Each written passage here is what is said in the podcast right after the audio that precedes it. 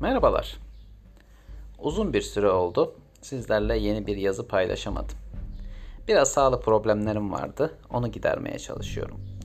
Bunların hepsi hikaye adlı podcast e, bölümümüzde tekil hikayeler paylaştım. Şimdi ise e, birbirine bağlı bir 3 bölümlük Yazarın Paranoyaları adlı hikaye serimi paylaşacağım.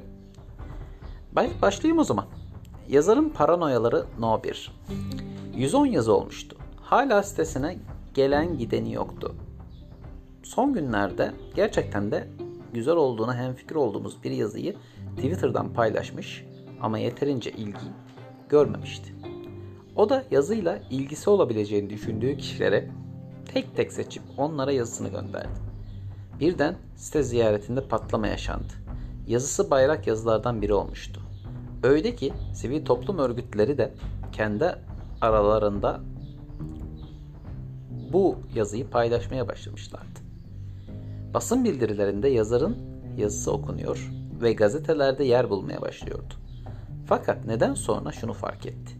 Yazısı anonimleşmiş ve gün geçtikçe Mehmet Dumanlı Yol adındaki biri tarafından sahiplenilmişti.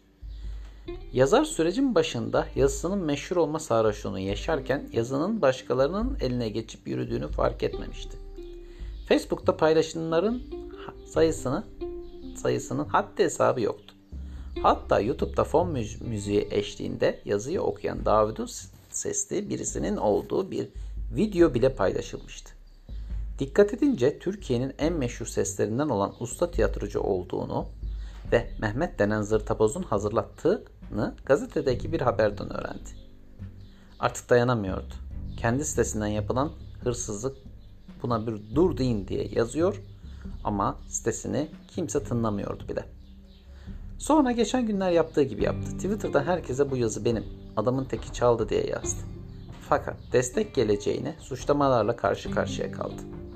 Popüler olan sahibi belli bir yazının haksızca sahiplenilmesine karşı dünyanın hakaretini, küfrünü yemekten de geri kalmamıştı. Yazar iyice delirmek üzereydi. Hemen yazının bir kopyasını aldı ve siteyi kaynak göstererek notere gitti. Notere bu yazıyı kendi adıma tasdik ettirmek istiyorum dedi. Noter eline aldığı yazıyı okudu ve güldü. Bu senin yaptığın suç delikanlı dedi. Çünkü bu yazı Mehmet adında birinin. Neredeyse günlerdir gazetelerde ve TV'de görüyoruz.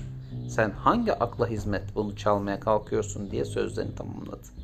Yazar yazıyı kendisinin yazdığını ve tarih olarak şu tarihte siteye koyduğunu söyledi. Elimde bunların kayıtları var dedi. Attığı tweetleri gösterdi. Noter elindeki belgelerden hemen ilgili tarihi buldu ve bilgisayar sisteminde bir takım aramalar yaptı. Sonunda Mehmet Dumanlı Yol adlı kişinin tasdik belgesine ve içeriğine ulaştı. Kendisinden bir hafta önce bu yazıyı tasdik ettirmiş olduğunu söyledi. Eğer şimdi gitmezse buraya polis çağırıp hakkında sahtecilik suçlaması yapacağını söyledi. Hukuk fakültelerinden mezun kişilerin noter olduğunu hatırladı. Fazla kafa tutamayacağını anladı, çıktı ve kaldırımın kenarında oturdu. Elini başına alıp düşünmeye başladı. Yapılan haksızlığa gelemiyordu. Ama bunu bir türlü de ispat edemiyordu. Biri kendi üzerinden servete konmamışsa bile meşhur olmuş ve beklediği, istediği saygınlığı kapmıştı.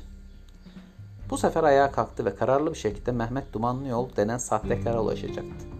Ve ondan hesap soracaktı. Bir hafta boyunca aramadığı kimse kalmadı ve sonunda o zırtabozun telefonuna ulaştı. Hiç düşünmeden aradı. Beyefendi ben şu gazetede ismim Mustafa bilmem ne dedi. Çevre ve tarih koruma hassasiyetin üzerine kapsamlı bir röportaj yapmak istiyorum dedi. Bu yüzden özellikle mevzu bahis edilen yerde olmanız ve orada boy boy fotoğraflarınızı çekmem lazım dedi. Adam dinledi, dinledi. Ve iyi fikir aslında dedi ve telefonu suratına kapattı. Hayatında hiç bu kadar sinirlenmemişti.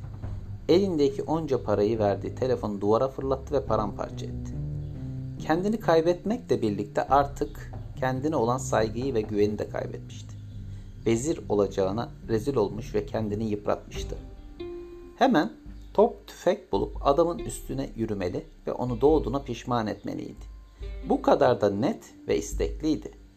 Özgür bir vatandaş iken kendini demir parmaklıklar arasına almayı umursamıyordu. Bilgisayarın başına geçti ve silah bulmak için nette araştırma yapacaktı. Birden bir mail geldiğini gördü. Gönderenin adını görünce ekranı kıracaktı ama kendine zor da olsa hakim oldu. Açtı ve maili okumaya başladı. Sevgili yazar, adını biliyorum ama bence burada bile yazmak seni açığa çıkarmak olacaktır. Ben seni koruyan bir meleğim aslında. Sen şimdi bana oldukça sinirlisin. Biliyorum. Senin yazdığın bir şeyi çaldığımı düşünüyorsun. Hayır, ben senin hayatını korudum. Farkında değilsin. Ama bu satırları okudukça bana olan kin yerine sevgi tomurcukları yeşereceğini biliyorum. Yazıların çok güzel. Ama neresinden tutarsan oraya gider. Sen pervasızca yazıp ona buna dokundurmuyorsun sadece. Bildiğin adamların kafasına vuruyorsun. Bu da bu dünyaya uygun değil. Senin için mafyaya verilen siparişi bir yerden duydum. Neyse bu engellendi Allah'tan. Ama bu sahiplendiğim yazıda ise bir yere fabrika yaptırmama kampanyasındaki yazı ilgi çekti. Kimin yazdığını biraz araştırdım. Sana ulaşmak kolay oldu. Baktım ki ev ve aile geçindiriyorsun. Dört nüfusa ekmek götürüyorsun. Fakat senin çalışma hayatında tüm engelleri koyabilecek bir deve karşı kafa tuttuğunun gerçeğinin farkında mısın? Seni sersefil bırakacak devin bazı nedenlerden ötürü bana bulaşması imkansız. Hatta benden oldukça çekinir. Bu yüzden düşünmeni istiyorum. Ailem mi yoksa sana para, para pul bile kazandırmayacak geçici şöhret mi? Kusura bakma. Ben senin yerine karar verdim. Aileni seçtim. Şimdi kırılan telefonun için yapacak bir şeyim yok. Ama yenisini alman lazım. Çünkü eşin seni merak ediyor. Beni öldürmek illa istiyorsa yine de gel ve öldür. Ama insan koruyucu meleğini öldürünce başka melek bulamaz sevgili kardeşim. Bu yüzden mailimi okuduktan sonra iyice bir düşün. İmza. Koruyucu meleğin namı diğer Mehmet Dumanlı yol. Bir süre oturdu ve düşündü. Bu adam kimdi neciydi bilmiyordu. Ama çalıştığı sektörden başka iş yapamayacak olan yazar karşısındaki gücü ve diğer şeyleri düşündü. Bilgisayarı kapattı ve evine gitti. Eve gelince çocuklarına ve eşine sıkıca sarıldı. Yatağına giderek başını yastığa koydu ve uyudu. Evet, ilk bölümüyle sizleri karşı karşıya bıraktığım hikayemin bu bölümün sonuna geldik. İkinci bölümde görüşmek dileğiyle. Hoşçakalın.